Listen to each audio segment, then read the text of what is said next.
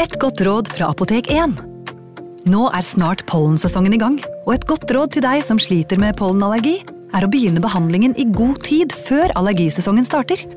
Da får du nemlig enda bedre effekt av legemidlene, og så blir ikke våren din helt ødelagt.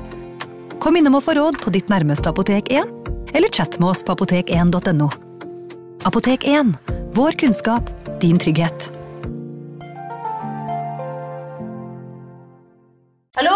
Jeg kommer fra Oslo politikammer. Ine Jansen er purk. Er du purk? The motherfucking bitch. Alt jeg vil, er å finne ut hva som skjedde med mannen min. Jon Carew. Er jeg sikta for noe? Iben Akeli. Det er du. Ole So, Lars Berrum og Big Daddy Karsten. Hvem sin side er du på, egentlig? Anette Hoff, Tone Danielsen, Kommer du fra Afrika? Jørnis Josef, Nesten. Kløfta. Trond Espen Seim, Det er synd å si det, men det var feil mann som døde. Purk. Premiere tirsdag på TV2 Play. Advarsel. I denne podkasten vil du høre historier basert på informasjon programlederne har funnet selv.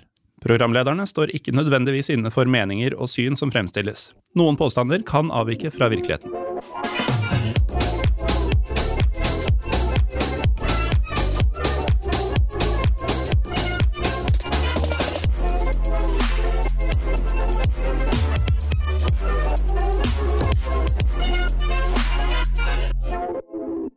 Hei, og velkommen til en ny episode av Historiepodden. Mitt navn er Morten Galaasen. Og mitt navn er Jim Fosheim. I dag Jim, så skal vi prate om en av historiens aller mest beryktede pirater. Men det er sikkert mange som lurer på hvor var vi forrige uke? Og hvor var vi uka før det? Ja, det er det veldig mange som lurer på. Det her tar vi egentlig opp hver gang vi har episoder på iTunes og Spotify, altså i det åpne markedet.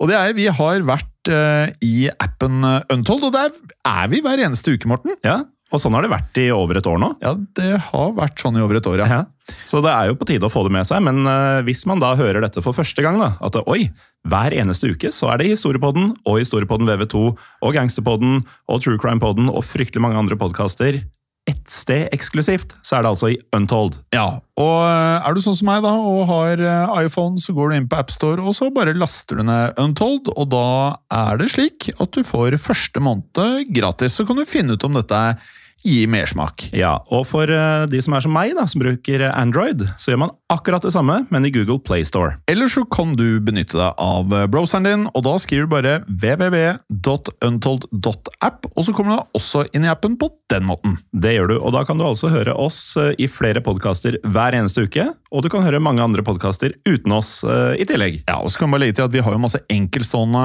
podkaster også i Untold, sånn som eksempel samlingen av Japan, som kommer om ikke så spesielt lenge, eller Ukrainas turbulente historie. Meget turbulent uh, podkastserie. Mye mer turbulent enn vi noen gang ante før vi lagde podkastserien. Yes, men det skal bli turbulent i dag også, Jim. For Yes. det skal handle om eh, ingen ringere enn selveste Svartskjegg. Eller, Han, eh, og han har jeg vært veldig nysgjerrig på. Ja, og han husker jeg ble nevnt i diverse eh, sånn, fortellinger man leste eh, som barn. Og filmer. Ja, ikke minst. eh, Svartskjegg på norsk, eh, Blackbeard på engelsk. Mye bedre på engelsk, eller? Ja, som mye annet. Ja, ja.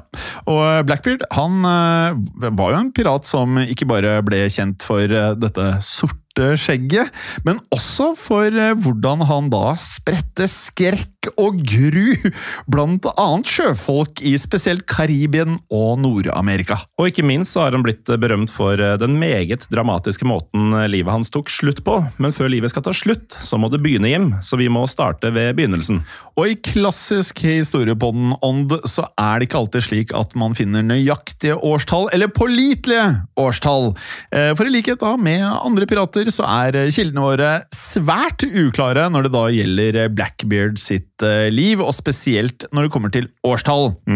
Så vi har et sånn cirka årstall for når eh, man tror at Blackbeard kom til verden. Ja, for det har blitt antatt at eh, Blackbeard eh, kom til verden rundt 1680. Men vi har heller ikke Altså, vi, vi tror det er rundt 1680, men vi har heller ikke et 100% sikkert fødested. Det eneste vi vet med ganske stor sikkerhet, er at han ble født i England, og det har blitt påstått at han vokste opp i byen Bristol. Noe som kanskje kan da bidra til å forklare hvorfor Blackbeard endte opp til sjøs. For som sikkert mange av lytterne våre allerede vet, så er jo Bristol en kystby i sørvest-England. Og opp gjennom århundrene så har jo da Bristol vært en svært, svært viktig havneby. Ja, for Bristol var nemlig en havn for skipstrafikk som gikk mellom England og de britiske koloniene i Nord-Amerika og Karibien. Og derfor så passerte handelsskip ofte gjennom Bristol. Ja, der unge Blackbeard muligens, og da sier muligens, ble vitne til hvordan handelsskip ankom, med da store rikdommer. Eh, og det trengte ikke alltid være gull, Morten. Nei, det kunne være så mangt. Ja, for rikdom på denne tiden her, det kunne være tobakk. Ja, det kunne være rom. Ja, i hvert fall blant sjøfolket. Åh, og det kunne være ris. Ja. Ja, Greit det òg. Og bomull, og ikke minst sukker! For sukker det ble produsert på plantasjer i eh, forskjellige områder av Karibien. Ja, og På denne tida så var nemlig sukker den mest verdifulle importvaren i datidens eh, Europa, og derfor så har noen historikere beskrevet 1700-tallets eh, sukkerindustri som datidens svar på nåtidens oljebransje. Og vi kan jo skjønne det. Ja. Det er jo godt. Det er jo det. Men dessverre så ble sukkeret som da ble importert til Europa, produsert på plantasjer som da brukte afrikanske slavearbeidere. Og uten at vi nå skal gå spesielt nærmere inn på slavehandelen, så kan vi da kort nevne at tusenvis av afrikanere døde på sukkerplantasjer i Karibien. Ja, og da kan man jo forstå at forholdene på disse plantasjene de var eh, beskrevet som grusomme. Og noe jeg kan trekke fram et eh, kjapt eksempel på her, er eh, noe som kommer fra historikeren Peter von Severs. Han sier at knoklene til avdøde slaver tidvis ble brukt til å bleke sukker som skulle eksporteres til Europa. Altså Sukkeret ble da farga fra brunt til hvitt, ifølge denne von Severs, av knoklene til avdøde slaver. Det er altså så mørkt! Ja. For alle de som sier at det var bedre i gamle dager. Ja. Det er ikke alt! Det er ganske mye som ikke var bedre før. Ja, ja. Men eh, tilbake til historien om eh, Blackbeard. Og dere må nok venne dere til at vi i denne episoden prater mye i termer som kanskje, muligens og det kan tenkes. Hvis og dersom. Ja, eh, For dersom eh, Blackbeard da vokste opp i Bristol, så merket han nok at det var voldsomt til handelsskip som seilte inn i byen, og selvfølgelig ut igjen. Og mens eh, sukker og andre verdier da strømmet gjennom eh, Bristol, så er det ikke unaturlig å tenke at Blackbeard nok kanskje allerede her begynte å drømme om rikdommer på den andre siden av Atlanterhavet. Ja, Det ville i hvert fall vært en god forklaring på hvorfor han senere bestemte seg for å seile til Karibien, men dette blir jo litt spekulativt, for som vi nevnte så er det altså mye som er uklart rundt livet og motivene til Blackbeard.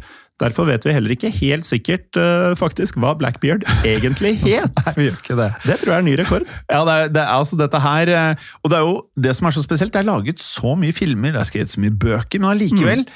Kildene er svært mangelfulle. Ja, Og her vet vi altså ikke i det hele tatt hva han het, så vi må jo bare Hvis du skulle gjette, Jim, en ja. 1600-talls uh, ung mann i England Ai, ja, Stevie! Stevie? Ai, a good lad, Stevie! Det kan godt være, men vi bruker Blackbeard. Eller bare Andy! Hva tror du om det? Andy? Det kan jo stemme, det. Ja, altså, Det er det som er greia. Alt kan jo stemme. Steven. Ikke alt, kanskje, Nei. men dette er normale navn. Ja, Eller Jim. Jim. Nei, kanskje ikke Jim. Nei, Det funker ikke. Nei. Uansett, på 1700-tallet så seilte nemlig pirater ofte under falske navn.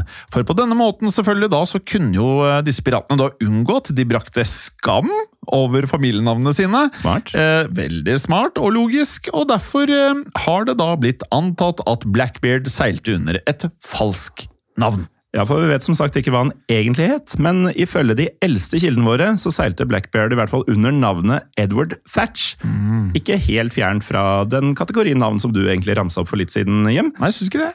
Men ifølge senere kilder så kan navnet fort ha vært Teach eller Tack. Og her kan det altså hende at ingen av disse navnene var det faktiske opprinnelige navnet hans. Vi kan jo også nevne at det har blitt spekulert i at Blackbeard vokste opp som medlem av en svært respektabel og velstående familie i Bristol. Mm. I så fall så føler jeg at det er ekstra krydder til historien at han da valgte denne retningen. Ja, hva, da må det jo ha vært noe opprør involvert, som Ja. jo hadde vært eh, ganske juicy å ha med litt om. Ja, fordi dersom eh, dette her eh, stemmer, så kan jo det i hvert fall forklare hvorfor han da var så opptatt av et eh, falskt navn. Ja, og denne teorien har for øvrig blitt eh, foreslått ettersom Blackbeard ved flere anledninger viste hvordan han kunne lese og skrive. Og det var ganske avslørende, fordi på denne tiden så var dette mindre vanlig blant lavere samfunnsklasser. Nå skal jeg si noe kanskje litt overraskende. Nå blir kildene litt klarere. For eh, vi vet jo helt sikkert at eh, Blackbeard faktisk reiste til sjøs. Det vet vi jo. Ja. Og da var det angivelig i årene rett før 1700 at Blackbeard ankom Karibien. Ja, og da er han i så fall litt under 20 år gammel, hvis eh, det ene og det andre tallet stemmer. Han kan ha vært rett under 30 også. Det kan være. Men da han dukka opp i Karibien, så skal Blackbeard ha tjenestegjort som sjømann, og dette gjorde han enten på et vanlig handelsskip eller om bord på et skip som frakta slaver til Karibien. Men i årene fremover så skulle han altså gjøre sjørøver av seg. Ja, for i 1701, og det, nå er vi tilbake i ganske spesifikke år her, og det er jo egentlig litt fint, så brøt det da ut en europeisk storkrig, og det vet man jo.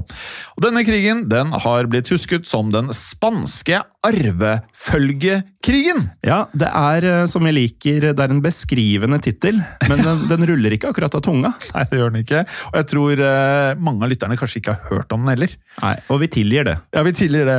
Dette navnet det skyldes da at krigen startet på grunn av en disputt om hvem som skulle arve den spanske tronen. Ja, Og um, jeg sa at vi tilgir uh, lytterne for å ikke vite det, Jim.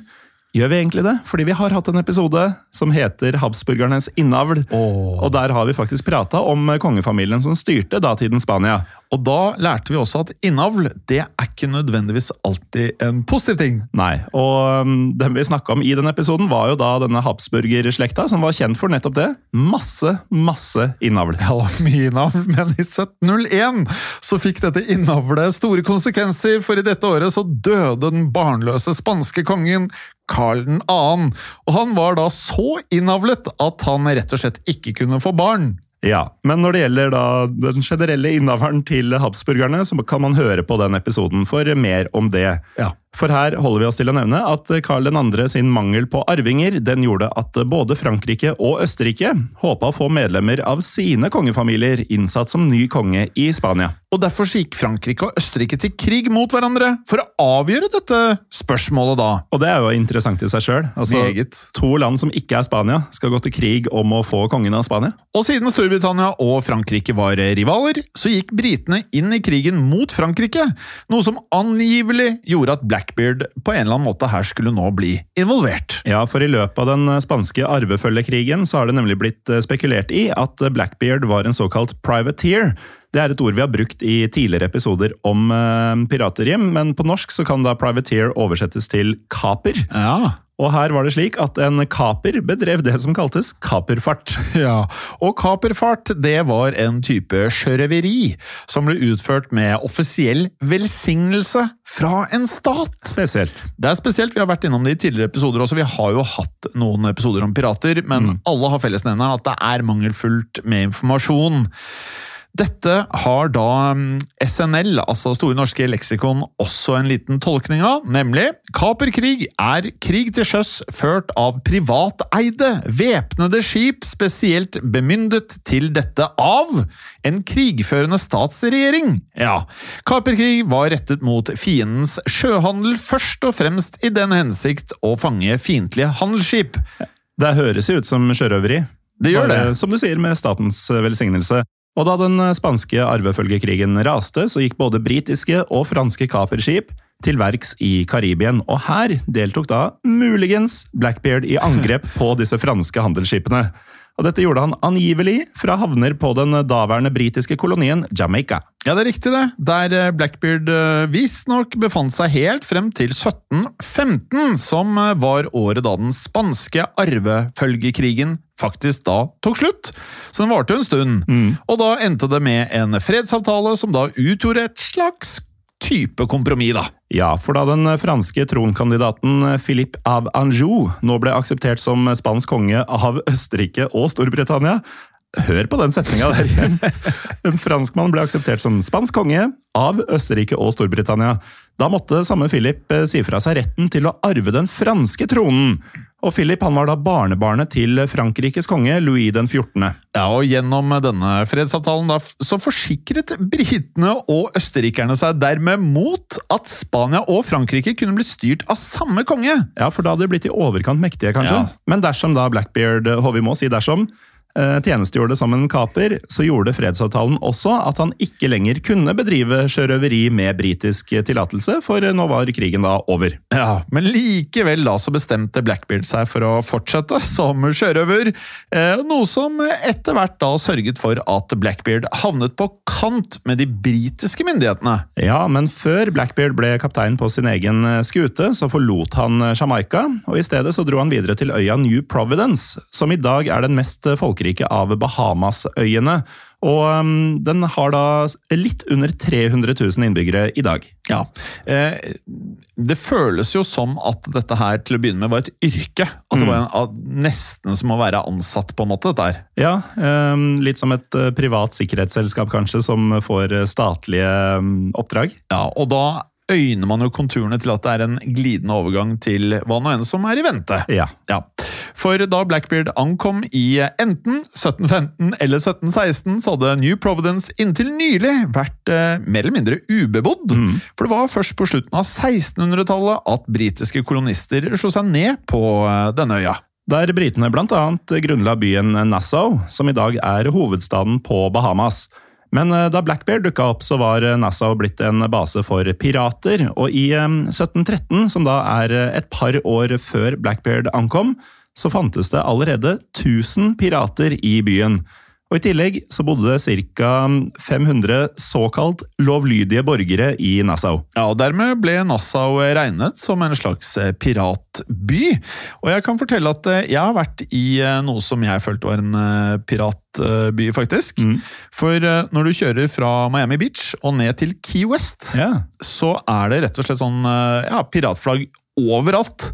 Eh, og det er pirattema, og her var det da rett og slett mye pirater. Og ikke minst så er det masse Hemingway-greier der. Ja. Og vi må da nevne at vi har jo en episode om Ernest Hemingway også. Ja, veldig som bra. folk må høre på hvis de vil høre om eh, livet til sjøs og andre ramsalte skrøner.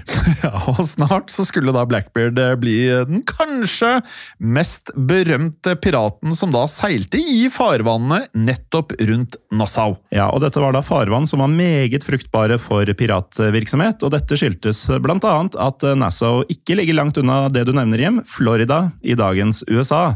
For utenfor kysten av Florida så passerte det regelmessig store antall europeiske handelsskip. Ja, og i dag så tar det kun eh, rundt tre timer da med ferge fra Florida til Bahamas.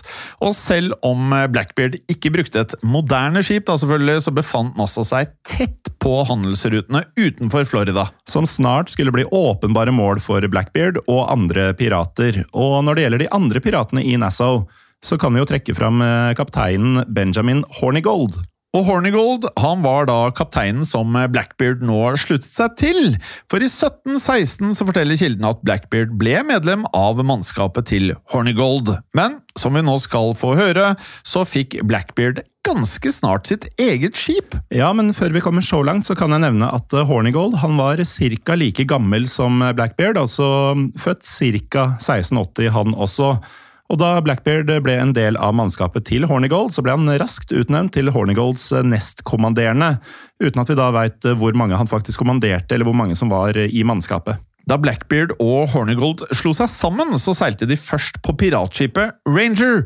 Og Ranger har blitt beskrevet som det best bevæpnede av alle piratskip i Nassau. Men til tross for dette så har vi ikke funnet en god beskrivelse av Ranger, annet enn at vi vet at den eh, skipet muligens hadde 30 kanoner, som høres mye ut. Ja, men eh, det kildene derimot forteller tydelig, er at eh, Hornigold ikke angrep britiske handelsskip.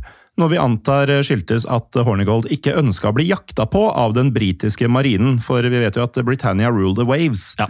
Men da Hornigold i stedet angrep handelsskip fra f.eks. Spania og Frankrike, så var han utstyrt med flere piratskip enn bare Ranger. Og blant disse skipene så fantes det flere såkalte slupper. Ja. Ja, Vet du hva en slupp er, Morten? Det lurer jeg fælt på, det tror jeg ikke jeg er aleine om. Nei, det tror ikke jeg heller, for Hornigold han hadde fanget en rekke slupper på pirattoktene sine. Og en slupp det er rett og slett en samlebetegnelse på mindre skip, ofte med kun ett seil. Ja, Så han hadde flere slupper, som det er flere samlinger av mindre skip. Ja, ja, småskip, dette. Ja. Og derfor så fikk Blackbeard nå kommandoen på en av disse sluppene. Ja. Og i løpet av våren 1717 så satt det to slupper, kommandert av Hornigold og Blackbeard, kursen mot den spanskstyrte øya Cuba. Og her gjennomførte de et eh, pirattokt som endte med at de plyndra til seg 120 tønner med Og vi har nevnt mange ting som det var eh, populært å stjele på denne tida. 120 tønner med mel. Ja. I tillegg så skal de også ha bora et eh, lite skip som frakta 100 tønner med vin. ja, det liker jeg bedre. Det er mye mer eh, i ånden av en sjørøver. Ja, enig. Og så kan jeg bare nevne, siden vi snakker om sjørøverånden, jeg brukte akkurat eh, faguttrykket bore. Ja. Det er da rett og slett å ta seg om bord. Ja, du, mel Jeg tenker det, det er ikke så piratete. Det er ikke det saftigste når vi snakker om eh, piratutbytte. Men eh, det, du kommer jo ikke langt uten mel heller, da. Så alt av brød og bakst og sånne ting trenger du jo mel til. Jeg antar at den gjengen her tok melet, byttet det mot eh, gull og sølvmynter. Mm. Ja, det er det jeg håper, i hvert fall. Ja, og kanskje etter at de hadde bytta, så var det ikke lenger rent mel de hadde i posen. Men du, bli, du nevnte jo å bli boret. Mm. Og det å bli boret av Blackbeard Ja. Jeg tror det var ganske ubehagelig. Du ga fra deg melet ditt ganske fort da, tror jeg. Ja, det gjorde du, for i tillegg til at eh, piratene angrep med både kanoner, og de hadde sverd, de hadde kniver og også da pistoler. Ikke helt som i dag, men de skjøt i hvert fall. Så hadde da Blackbeard et ekstra knep i ermet, for eh, som vi kanskje da eh, har gitt uttrykk for, så utmerket jo da Blackbeard seg for dette sorte skjegget. Ja, og grunnen til at han ble kjent som Blackbeard var angivelig da, selvfølgelig, at han hadde et langt og svart helskjegg, noe som var uvanlig på 1700-tallet. For i datidens Europa så ble glattbarberte ansikter forbundet med sivilisasjon og dannelse. Litt som i dag. Litt som i dag, du sitter der ganske glattbarbert, og jeg sitter skjeggete. Ja, men jeg har hatt mye jeg har, Du har aldri sett meg uten skjegg? Eh, nei, det er alltid litt. Ja, alltid litt. Ja, jeg, når jeg sier glattbarbert, så tar jeg egentlig ganske hardt i. Ja, ja, ok. Men du har ganske stort, sort skjegg. Eh, Ja, det er i hvert fall brunt, eller mørkt. Ja. Men i hvert fall eh, helskjegg ble jo da gjerne forbundet med det motsatte av sivilisasjon og dannelse. I skjegget ditt, Morten, så har ikke du Du, du gjemmer ikke ting i skjegget. Nei, eh, nå er jeg spent på hvor du vil. Jo, det, det jeg ønsker å få frem, er at eh, angivelig så hadde Blackbeard for vane å balsamere inn kruttlunter i både skjegg og hår. altså kruttlunter, ja. Eh, Og når da Blackbeard boret et fiendtlig skip, så tente han da på disse luntene. Ja, så Mens han gikk løs på fiendene sine utstyrt med både sverd og pistoler, så velta det derfor røyk frem rundt Blackbeard. Og av dette så skal han da ifølge noen beskrivelser ha sett ut som djevelen selv. Og det skjønner jeg hadde blitt Jeg hadde løpt Ja, ja. og svømt. han kommer for å plyndre og drepe, og det ryker av fyren. altså Bokstavelig talt. Og I tillegg til alt dette da, så var Blackbeard også både fysisk sterk og 193 cm høy. Han høres ut som deg! Ja, på en måte, for um, altså, 193 cm er ganske mye i dag, men på 1700-tallet så var snitthøyden 1,67, Han ble en kjempe. så han raga ganske bra over de fleste andre sjømenn på denne tida. Og da Blackbeard og Hornigold da angrep eh, en rekke forskjellige handelsruter, så var det da flere skip som rett og slett bare overga seg med det samme, ved spesielt synet av Blackbeard. da. Men Morten, du kan jo tenke deg når du har stuet en rekke eh, harde pirater om bord på samme skip, og selv om det kanskje føles som en jobb, så vil jeg anta at det ikke fungerte helt på samme måte som eh, på et eh, av dagens kontorer. Ja, Det er kanskje ikke et uh, strømlinjeforma foretak, dette her. Nei, det tror jeg ikke, for eh, når Blackbeard eh, satte kursen mot USA, så skal Blackbeard ha fått eh, problemer med å kontrollere de andre piratene om bord på skipet. Ja, Litt brokete, kanskje? Ja, og for de av dere som har sett myteriet på Bounty, så vet man at det kan bli pisket opp stemning på et sånt eh, skip. Eh, årsaken til problemene var angivelig at eh, piratene hans ville plyndre til seg mer Ikke mel, men vin! Ja, eh, piratete, syns Ja. jeg. Og når det står vin, jeg tenker det er det samme som å si vin og rom. Ja, ja, alkohol. Ja. Eh, jo hardere, jo bedre, kanskje. Eh, I september 1717 så bora Blackbeard derfor et eh, passerende handelsskip, og dette skipet det het eh, Betty. Ja. Og slik vi forstår det, så plyndra piratene til seg all vinen om bord på Betty. Men ut fra navnet på skipet så kan det jo høres ut da, som om Betty var et eh, britisk eh, skip. Og som vi nevnte, så ønska jo ikke Benjamin Hornigold å angripe britiske skip. Nei, denne taktikken skal mannskapet til Hornigold derimot ha vært svært misfornøyd med. For i oktober 1717 så ble Hornigold derfor stemt ut av rollen som kaptein. Ja. Og det er noe uklart om Blackbeard var involvert i dette her, men eh, i desember 1718 så tok Hornigold imot en offisiell benådning fra Storbritannia. Ja, for han hadde jo hele tida gått imot å angripe britene. Ja. Deretter så gikk Hornigold faktisk inn i britisk tjeneste som piratjeger. Så her er det en helomvending. Han Altså, snudde seg virkelig rundt. ja, eh, han er da kaptein på skip som jakter pirater. Eh, Men i 1719 så havna det nye skipet til Hornigold i en orkan, og da mista faktisk Hornigold livet i et eh, forlis. Men før dette så hadde Blackbeard allerede funnet seg et nytt skip. For i 1717, altså to år før Hornigold døde, så ble Blackbeard kaptein på piratskipet Queen Anne's Revenge. Nydelig navn. Åh, for et navn! Og hvordan dette gikk seg til, skal vi høre mer om etter en kort pause. Velkommen tilbake. Før pausen så hadde vi kommet til 1717, som var året da Blackbeard ble kaptein på Queen Anne's Revenge. Men her kan jeg fortelle at eh, dette skipet egentlig hadde et eh, annet og mye mer eh, franskklingende navn. Oui, oui, monsieur Morten. Det opprinnelige navnet på Queen Anne's Revenge var nemlig La Concorde. La Concorde. Ja, og Concorde det betyr, etter hva jeg kan forstå, enighet. Ja, Så La Concorde betyr da enigheten. Ja, og etter at La Concorde ble bygget i 1710, så ble skipet da først eid av René Montaudoin. Montaudin. Montaudoin. Og han var da en um, fransk slavehandler fra byen Nantes, som da brukte La Concorde til å frakte nettopp slaver. Men i 1716 så ble La Concorde kjøpt opp av den franske marinen. Ja, og deretter så ble Concorde solgt videre til en annen slavehandler som vi ikke har navnet på, og idet vi tar oss til den 28. november 1717, så befant altså La Concorde seg i Karibien. Ja, nærmere bestemt ved noe ganske eksotisk, nemlig eh, den vulkanske øya Saint-Vincent. Ja, Ja. Eller St. Vincent. Ja, kanskje heller St. Vincent? Ja, for det er i hvert fall i dag en engelsktalende øy. Ja, da tenker jeg kanskje det er mer riktig, for eh, det var jo da på St. Vincent at Blackbeard og piratene hans skal ha kommet over La Concorde. Og ifølge kildene våre så ledet da Blackbeard nå én slupp og eh, et større skip kalt Revenge. Ja, og Når det gjelder eh, Revenge, så oppgir kildene våre få detaljer, men ifølge informasjonen som vi har, så overtok Blackbeard Revenge fra piratkapteinen Steed Bonnet. For da Bonnet ble såret på et av toktene sine, så overlot han eh, Revenge til Blackbeard.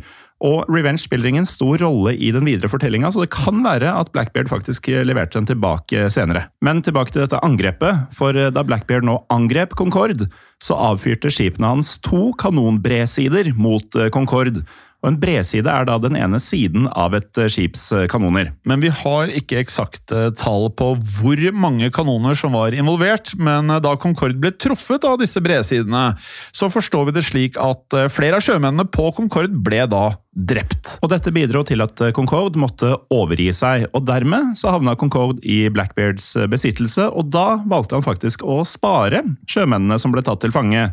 For idet mannskapet til Blackbeard overtok eh, La Concorde, så fikk fangene seile av gårde på den gamle sluppen til Blackbeard, som han nå ikke lenger hadde bruk for. Ja, Her vet vi ikke hva denne sluppen opprinnelig het, men ifølge kildene våre så valgte franskmennene nå å døpe sluppen om til Mouvas Recontro, som eh, rett og slett betyr uheldig møte. Ja, Atter en beskrivende tittel. Ja, og mens eh, franskmennene da seilte av gårde, så bestemte Blackbeard seg for å gi Concorde et nytt navn, og nå ble Concorde endelig til Queen Anne's Revenge. Ja, og Vi antar da at skipet ble oppkalt etter den engelske dronningen Anne, som fra 1702 og fram til hun døde i 1714 hadde vært regjerende monark i England og Storbritannia. Men selv om Blackbeard da oppkalte skipet sitt etter en britisk dronning, så hadde han ingen skrupler med å angripe britiske sjøfolk. Å skjønner nei du? da. Nei, og da kom Queen Anne's Revenge eh, meget godt med, for eh, slik vi forstår det da, så var skipet en fregatt som totalt var 31 meter eh, lang. Ja, Og det er ganske mye større enn en slupp. Ja, det var ganske mye større enn en slupp, for en slupp var ofte 23 meter. Mm. Så du tar en uh, slupp pluss en uh, kvart slupp, så får du en fregatt. ja, du får faktisk det. Og I tillegg så hadde Queen Anne's Revenge 7,5 meter høye seil, og plass til å romme omkring 30 kanoner. Ja, og I senere tid så har nemlig vraket av Queen Anne's Revenge blitt undersøkt av arkeologer og Derfor har det blitt oppdaga nettopp 30 kanoner om bord på skipet, men det har også blitt hevda at Blackbeard i sin tid hadde hele 40 kanoner om bord. Og Dermed var skipet hans langt bedre bevæpna enn de fleste slupper, som kunne ha opptil ti kanoner, bare. Ja, Men til sammenligning da, så hadde de tyngste av datidens eh, krigsskip, bare for å sette i kontekst, over 100 kanoner. Ja, og da blir Queen Anne's Revenge eh, liten igjen. Ja, det blir den, og derfor så var Queen Anne's Revenge i et eh, slags da mellomsjikte da, mellom de tyngste og de letteste skipene. Og det som er fordelen, da eh, Når du har 100 kanoner, så har du et stort skip, og man mm. prater ofte om at ting kan være vanskelig å snu når det blir for stort. Ja. Eh, båten, eller skipet til Blackbeard, det var jo da både langt mer manøvrerbart og relativt slagkraftig. Ja, men likevel så fikk Blackbeard snart flere skip til disposisjon. For idet han angrep forskjellige handelsskip, så skal Blackbeard ha overtatt minst én ny slupp. I tillegg så hadde han som nevnt eh, også kommandoen over skipet Revenge, og fordelt mellom de forskjellige skipene til Blackbeard så kunne man finne ca. 300 pirater. Begynner å bli stort. Eh, bedriften vokser. Ja, en liten armé. Og her begynner det å bli virkelig piratete, for på toppen av skipene til Blackbeard så var det alltid klassiske piratflagg i bruk. For ifølge beskrivelser fra 1700-tallet så brukte Blackbeard sorte flagg med disse hvite dødningshodene på. Så det er faktisk fra virkeligheten. Ja, det er fra virkeligheten. Mm. Eh, og idet vi tar oss eh, til våren 1718, så dukket disse flaggene opp ved Blackbeard sitt neste mål, nemlig byen Charleston, som er da i South Carolina i USA. Ja, i 1718 så var Charleston faktisk en britisk koloni. Og Dermed utgjorde et angrep på byen et brudd på Benjamin Hornigolds gamle regel om å ikke angripe briter. Men her lot ikke Blackbeard seg avskrekke av verken Hornigolds gamle regler eller Storbritannia. På ingen måte, for i mai 1718 så blokkerte Blackbeard sine pirater den lokale havnen i Charleston, og deretter så angrep piratene da flere lokale handelsskip, og gjennom disse angrepene så tok piratene hundrevis av gisler. Men i stedet for å bare kreve gull i løsepenger, så krevde Blackbeard en kiste full av medisiner fra myndighetene i Charleston. Det dukker stadig opp nye ting ja. som, eh, som man plyndrer og krever. Men man skjønner jo hvorfor. Man skjønner jo det. For eh, vi har da forstått det slik at dette hang sammen med at mange av piratene til Blackbeard de hadde pådratt seg um, diverse um, unavngitte kjønnssykdommer. Og mindre hadde vi jo ikke forventet, Morten. Nei, det Nei. er en del av piratlivet. Nei, og i håp da med å kurere flere av disse kjønnssykdommene, så var piratene derfor mest interessert i å kreve medisiner. Noe som da gjorde at piratene angivelig mottok 181 kilo med forskjellige medikamenter. Da det er ganske mye! tenker jeg at uh, du bør kanskje ta med deg en uh, farmasøyt også, fordi her kan det gå gærent. Ja, det hadde jeg også tenkt. Og det var først da disse medisinene ble overlevert at Blackbeard uh, lot gislene slippe fri. Så her skulle de få bukt med kjønnssykdommene. Ja, men da gislene ble løslatt, så ble de først kledd nakne før de så ble sendt tilbake til Charleston. Og da dette var gjort, så seilte Blackbeard og piratskipene hans av gårde igjen. Men eh, som vi skal høre, da, så kan det være at denne gamle regelen til Hornigold om å ikke angripe britene, den hadde muligens noe for seg. Ja, for da nyheten om angrepet på Charleston spredte seg, så reagerte de britiske myndighetene svært kraftig, for ved å angripe en britisk koloni i Nord-Amerika, så ble Blackbeard britenes samfunnsfiende nummer én. Men her hadde Blackbeard en plan, for i løpet av mai 1718 så seilte piratskipene hans til North Carolina i dagens eh, USA, og her gikk eh, Queen Anne's Revenge på grunn langs eh, kysten. Derfor bestemte Blackbeard og mannskapet hans seg for å forlate skipet, og idet mange av piratene hans reiste videre, så ble mannskapet til Blackbeard betydelig redusert. Likevel så var dette muligens det Blackbeard hadde ønsket seg, Morten. Ja, for det hørtes jo egentlig ikke gunstig ut. Nei, det gjorde ikke det, for det har faktisk blitt spekulert i at Blackbeard bevisst sørget for at Queen Anne's Revenge faktisk sank. Mm. Ja, og for på denne måten så kunne han da nemlig lettere gjennomføre den neste delen av hans grandiose plan. Ja, og den delen var da å kontakte Charles Eden, mannen som var den britiske guvernøren i North Carolina. Og Gjennom korrespondanse med Eden så ba nemlig Blackbeard om å få en benådning. Noe som innebar at eh, forbrytelsen hans ville bli tilgitt dersom Blackbeard avsluttet piratkarrieren sin. Så det er litt sånn som narkobaroner. Man ja. ønsker en benådning. Mm. Og siden da en slik benådning kunne få Blackbeard til å gi seg som pirat, sa guvernør Eden seg villig til å faktisk da inngå en avtale. Det var ganske enkelt å bli benåda, virker det som. Ja, det var litt annerledes enn her i dag, tror jeg. Og dermed så fikk Blackbeard benådningen han ønsket seg, men etter bare noen få måneder så falt han tilbake på gamle synder. Ja, og hva som lå bak den avgjørelsen, det vet vi ikke, men uansett hva valget skyldtes, så gikk altså Blackbeard eh, veldig kjapt tilbake til piratlivet. Og dette gjorde han allerede i august 1718 da Blackbeard dro til sjøs med et mindre piratmannskap. Jeg må jo si, Det er jo, eh, det føles som han jobbet ganske hardt for å få denne benådningen, så det var litt spesielt. Ja, altså Han eh, senka sitt eget skip i mai, ja. ble benåda, og var tilbake på sjøen som pirat i august samme år. Ja, Man kan trygt si at han ombestemte seg. Ja. Vi forstår det videre sånn, Morten, at eh, Blackbeard han skulle skaffe seg en ny båt, denne gangen slupp. Ja. Og denne sluppen fikk navnet Adventure. Og ved å da kun angripe franske skip, så forsøkte Blackbeard å kunne unngå britenes oppmerksomhet, og derfor så førte han mannskapet sitt til Bermuda, der Adventure da fanget eh, to franske handelsskip, og ifølge kildene så var disse handelsskipene fullastet med sukker, og noe vi ikke har pratet om hittil, nemlig kokos. Igjen så dukker det opp noe nytt. Jeg vil anta at det er en vesentlig andel med varer som eh, piratene var interessert i, som kildene våre ikke opplyser om også, da. Ja, Men som vi har vært inne på, sukker var en av dem de var mest opptatt av.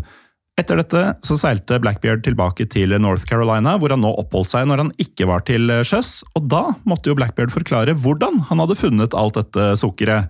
I et møte med guvernør Eden, altså mannen som hadde benådet han tidligere, så fortalte Blackbeard derfor at han hadde funnet et forlatt fransk skip til sjøs.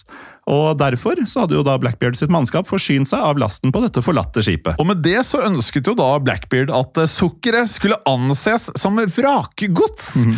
Noe som da ville innebære at Blackbeard og mannskapet hans kunne beholde all lasten selv. Veldig praktisk. Genialt. Genialt. Men slik vi forstår det, så endte det med at Eden og myndighetene gjorde beslag på store deler av sukkeret.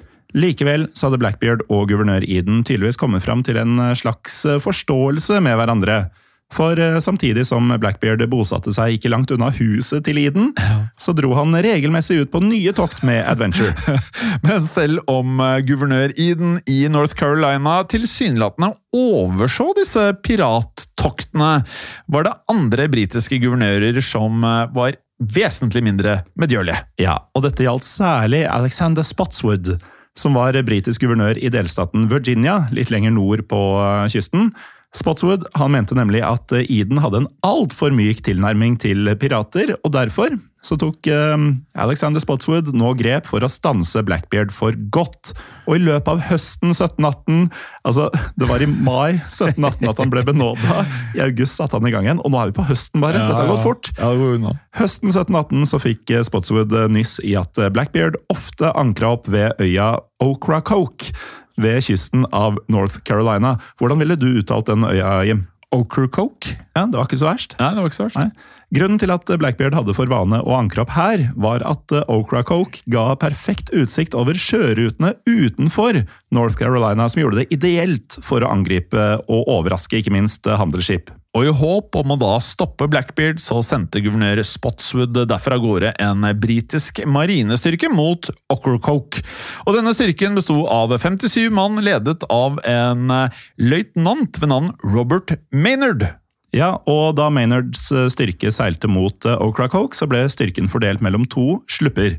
Og Her fremstår det noe uklart hvor mange skip Blackbeard nå disponerte, men vi har grunn til å tro at det kun var piratsluppen Adventure som lå ankra opp ved Ocracoke. Med det sagt, Morten, så håpet jo nå Maynard nå kunne overraske Blackbeard. For i løpet av natten til den 21. november, altså fortsatt i 1718, så dukket Maynard sine slupper opp ved Ocracoke. Og da Maynard da nærmet seg, så spurte han et forbipasserende skip, som han gjerne gjør, om Blackbeard var i nærheten. Og slik fikk da Maynard vite at Blackbeard han var opptatt med å underholde en gruppe med gjester. Ja. Og Derfor så hadde Blackbeard ikke tatt seg bryet med å sende ut en nattevakt til å holde utkikk. Og dermed kunne Maynards eh, slupper nærme seg usett, og siden Blackbeard ante fred og ingen fare, så forble de fleste av piratene hans på land. Og Derfor var det visstnok bare 25 mann om bord på Adventure, inkludert Blackbeard. Ja. Utpå morgenkvisten Morten, så hadde Maynard nå fått skipene sine i angrepsposisjoner. Og det var sikkert lurt, for um, hvis Blackbeard var opptatt med å underholde gjester på kvelden, så kan det hende at det ble litt vin og rom uh, i løpet av natta. Ja, ja, ja. Uh, men for å da lokke han frem, altså for å lokke frem Blackbeard, så sendte Maynard først frem en robåt. Og denne roboten den ble sett selvfølgelig av piratene på Adventure, og med det så begynte Adventure å skyte med kanonene mot roboten. Og da robåten slo retrett mot Maynard sine slupper, så fulgte da Adventure raskt etter denne robåten. Ganske modig å ro den båten. Jeg er glad det ikke er meg. Ja, Og så er det ganske hardt å angripe en robåt med kanon. ja, Det er det jeg også tenkte. Uansett, selv om Blackbeard bare hadde dette ene skipet mot Maynard sine to skip, så var Blackbeard en formidabel motstander. For da Adventure plutselig vendte den ene siden sin mot sluppene til Maynard, så avfyrte Adventure en kraftig bredside, uten at vi har klart å finne ut hvor mange kanoner den hadde. Ja, for denne bredesiden den skal ha gjort så stor skade at opptil 29 av soldatene til Maynard ble drept eller såret akkurat i det momentet. Og i tillegg så ble Ranger, som var den ene av Maynard sine to slupper, satt fullstendig ut av spill. Og deretter så ble det da Jane, som var sluppen Maynard befant seg på, boret av Blackbeard og piratene. Og her forstår vi det slik at 20 av sjømennene på Jane allerede var drept eller såra på dette tidspunktet. Likevel så er det uklart hvor mange sjømenn Maynard totalt hadde om bord på Jane. Det eneste vi vet sikkert, er at Maynard han hadde gjemt et tosifra antall menn under dekk. Derfor så hadde disse sjømennene enda ikke blitt sett av Blackbeard. Og med det så fikk jo Blackbeard seg en solid overraskelse da han da slengte seg om bord på Jane ved hjelp av et tau. Akkurat som på film. Akkurat som på film. For idet Blackbeard og piratene hans da tok seg om bord, så stormet nå Maynard sine skjulte menn da opp fra under dekk og opp på dekket. Og deretter så brøt det ut en svært blodig nærkamp som angivelig varte i over seks minutter, uten at jeg tror at historiebøkene nødvendigvis har Av alle ting vi har mangla informasjon om, så skal noen ha sittet og tima Ja. dette slaget. Altså Kanskje det varte fem minutter, kanskje ti. Ja, Men i hvert fall, siden Maynards menn var trente soldater, så fikk de snart overtaket på piratene. Og mens Blackbeard eh, prøvde å samle mennene sine, så havna han ansikt til ansikt med Robert Maynard. Og det er jo som en scene i en film, da. Det er det jo. Og derfor så avfyrte Blackbeard og Maynard pistolene sine mot hverandre. Men som noen lyttere kanskje vet, så kunne datidens pistoler Vi nevnte jo litt tidligere at det var ikke helt det samme med pistoler og gevær den gang. De kunne bare avfyre ett skudd før de måtte lades. Jeg kan jo allerede her avsløre at én bommet, én traff. Og den som traff, det var faktisk Maynard. Yes. Og eh, Blackbeard han bommet, men til tross for dette så ble ikke Blackbeard særlig preget av skuddsåret. Han røyk jo allerede. Ja, og så Det jeg skulle ønske var at kildene sa litt mer om kom, Slengte han seg over med disse kruttlappene i skjegget? Jeg tror Han var sikkert uh, ikke i sin beste form. Nei, vi mistenker jo at det var dagen derpå for Blackbeard. Ja, Vi mistenker det på det aller sterkeste. Uh, Og Blackbeard han skal bare ha kastet vekk pistolen når han ikke traff, og bare røsket frem sverdet og skulle gå til verks. Ja, og idet Blackbeard nå storma mot han, så løfta Maynard opp sitt eget sverd for å forsvare seg. Noe som eh, bare gikk på hengende hår i Jim, for eh, da Maynard blokkerte angrepet fra Blackbeard, så ble sverdet til Maynard knekt i to av eh, sverdhugget fra Blackbeard. Han var nok sterk, vet du. Han var jo det, han var 1,93 og sterk som en bjørn. Og nå kan det jo kanskje virke som at oddsene var imot Maynard med kun et halvt sverd, men idet Blackbeard eh, da gjorde seg klar til å angripe igjen, så var det da slik at resten av Blackbeard sine pirater de hadde nå mer eller mindre blitt totalt nedkjempet. Og derfor så var nå Blackbeard samtidig i ferd med å bli omringet av mennene til Maynard. Og rett før Blackbeard skulle hogge ned Maynard, så klarte en britisk soldat derfor å streife Blackbeard i nakken med et av sine sverd. Og Pga. det så klarte ikke Blackbeard å gi Maynard dette nådestøtet, for her sier kildene at sverdet til Blackbeard det bare sneia Maynard i den ene hånda, og vi må jo anta at Blackbeard sikta et helt annet sted. Og hvis dette her er det som er det offisielle i historiebøkene, så er det jo litt sånn at man skjønner at det blir film av dette. Man gjør jo det. Ja, Og i sekundene som da fulgte, så angrep flere av de britiske sjømennene Blackbeard på samme tid. Og etter at han eh, da hadde blitt påført et angivelig tosifret antall kuttskader, så gikk da denne svære branden av en pirat Blackbeard omsider over ende på dekket. Jeg kommer stadig tilbake til dette, men husker du episoden om Rasputin? Ja. Som jo var omtrent umulig å få has på. Altså, Han drakk og spiste gift i flere timer, han ble skutt og Det var umulig å forgifte, Ja. umulig å stikke i hjel, umulig å skyte i hjel. Ja, og her har du da en fyr som eh, han, han har jo blitt skutt av Maynard eh, til å begynne med. Det affiserte han ikke i det hele tatt. Han har blitt hogd i nakken. Det affiserte han ikke i det hele tatt. Det er først etter at eh, en haug med trente soldater har hogd løs på en liggende fyr, at han eh, omsider da mm, kaster inn håndkleet. Men Morten, vi har jo egentlig ikke fortalt alt helt ennå. Nei, for da Maynard skulle undersøke liket til eh, Blackbeard, så kunne han konstatere at den ca. 38 år gamle mannen under det uoffisielle navnet Edward Thatch, Ja. han hadde jo ikke vært enkel å felle, det vet vi allerede. For ifølge Maynards beskrivelse så var det både fem kulehull, altså vi har bare prata om det ene, i tillegg til 20 kuttskader å finne på kroppen til denne enorme sjørøveren. Ja, og da skjønner man jo at Blackbeard blir mer eller mindre en av de mest legendariske piratene, og sagnomsust. Som fortjener en egen episode av Historiepodden. Ja, selvfølgelig. Likevel så ønsket ikke Maynard å bevare liket til Blackbeard. For da mannskapet på Jane omsider seilte vekk fra Ocracoke igjen, så dumpet de kroppen til Blackbeard i sjøen. Ikke hele kroppen, Nei. for aller først så skjærte de av huet til Blackbeard. For på Maynards ordre så ble dette hodet festa over baugen på skipet. Og på denne måten så håpa nemlig Maynard å sende et signal til andre pirater om at de britiske myndighetene ikke tolererte sjørøveri. Og da Maynard kom tilbake til land, så ble hodet til Blackbeard satt opp til skrekk og advarsel på en påle. Men til tross for at Blackbeard ble beseiret, så huskes han som en av historiens aller mest berømte pirater. Men ikke bare fordi han eh, var stor og blodtørstig og hadde alt det derre den røyken kommende ut av skjegg og hår, men eh, også fordi Blackbeard kanskje rakk å begrave en eh, ikke så liten skatt før han døde. Ja, og det blir jo ikke en ordentlig pirathistorie før det går legender om mulige nedgravde skatter her og der. Ja. Eh, Denne skatten besto angivelig av gull og andre rikdommer som Blackbeard hadde plyndra til seg gjennom årene, men da han døde, så hadde Blackbeard da, ifølge legenden, begravd skatten sin på et hemmelig sted. Og da var det visstnok bare Blackbeard som visste hvor denne skatten lå. Ja, klassisk eh, pirathistorie det.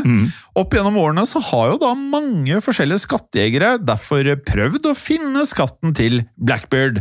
Men selv etter 300 år med leting, så er det da, så vidt man vet da, fortsatt ingen som har eh, funnet noe som helst. Nei, og Derfor gjenstår det jo å se hvorvidt eh, skatten noensinne vil bli funnet. Men dersom noen klarer det, så tror jeg at det vil være verdt eh, innsatsen. For ut fra informasjonen som vi har funnet, så har det blitt anslått at Blackbeard hadde stjålet verdier som tilsvarer 12 millioner dollar i dag.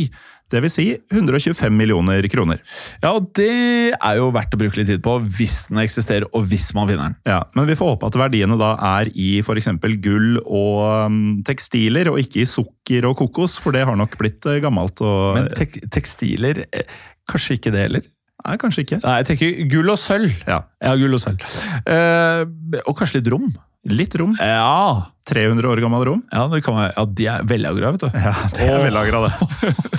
Og med det, Morten, så har vi vært gjennom nok en Det er jo alltid gøy med disse piratene. Det er det. Eh, og jeg tror um, folk er enige med oss i at det er verdt disse eh, spørsmålstegna rundt årstall og steder sånn helt i starten, for det er jo så fantastisk det vi har Ja. av uh, informasjon. Ja, Og ikke bare er de mangelfulle, men de er jo også tvilsomme. Mm. Det er jo det er ikke sånn at eh, man eh, vet at alt det vi har pratet om i dag, faktisk har skjedd, men det er det kildene i hvert fall har brukt til, eh, til å fortelle historien om Blackbeard. Ja, Det er litt uh, tvilsomme fortellinger om tvilsomme fyrer. Ja. Hei, veldig bra, Morten. Og med det, Morten, så kan vi jo si at det har jo skjedd! Ja, og det kan skje igjen. Ha det bra! Ha det. Historiepodden ønsker å takke følgende. Dere som hjelper oss som sitter i produksjonen. Dere som hjelper oss som sitter i redaksjonen, inkludert eh, tekstforfattere. Det er helt riktig. Og dere som sitter på marked, som faktisk da gir oss muligheten til å drive med historiepodden. Og selvfølgelig alle dere som hører på. Tusen takk. Moderne media. Har du et enkeltpersonforetak eller en liten bedrift? Da er du sikkert lei av å høre meg snakke om hvor enkelt det er med kvitteringer og bilag i fiken, så vi eh, gir oss her, vi. Fordi vi liker enkelt. Fiken superenkelt regnskap. Hei, og takk for at du lytter til Historiepodden. Skulle du ønske at du kunne høre en ny episode av Historiepodden hver eneste uke? Vel, da er det én ting å gjøre. Da kan du laste ned podkastappen Untold med det samme. For i tillegg til ukentlige episoder av podkaster som Historiepodden andre verdenskrig, Henrettelsespodden og også Gangsterpodden, så får du masse annet reklamefritt og også eksklusivt innhold. Last ned Untold i AppStore eller Google Play og start din 30 dagers gratis prøveperiode allerede i dag.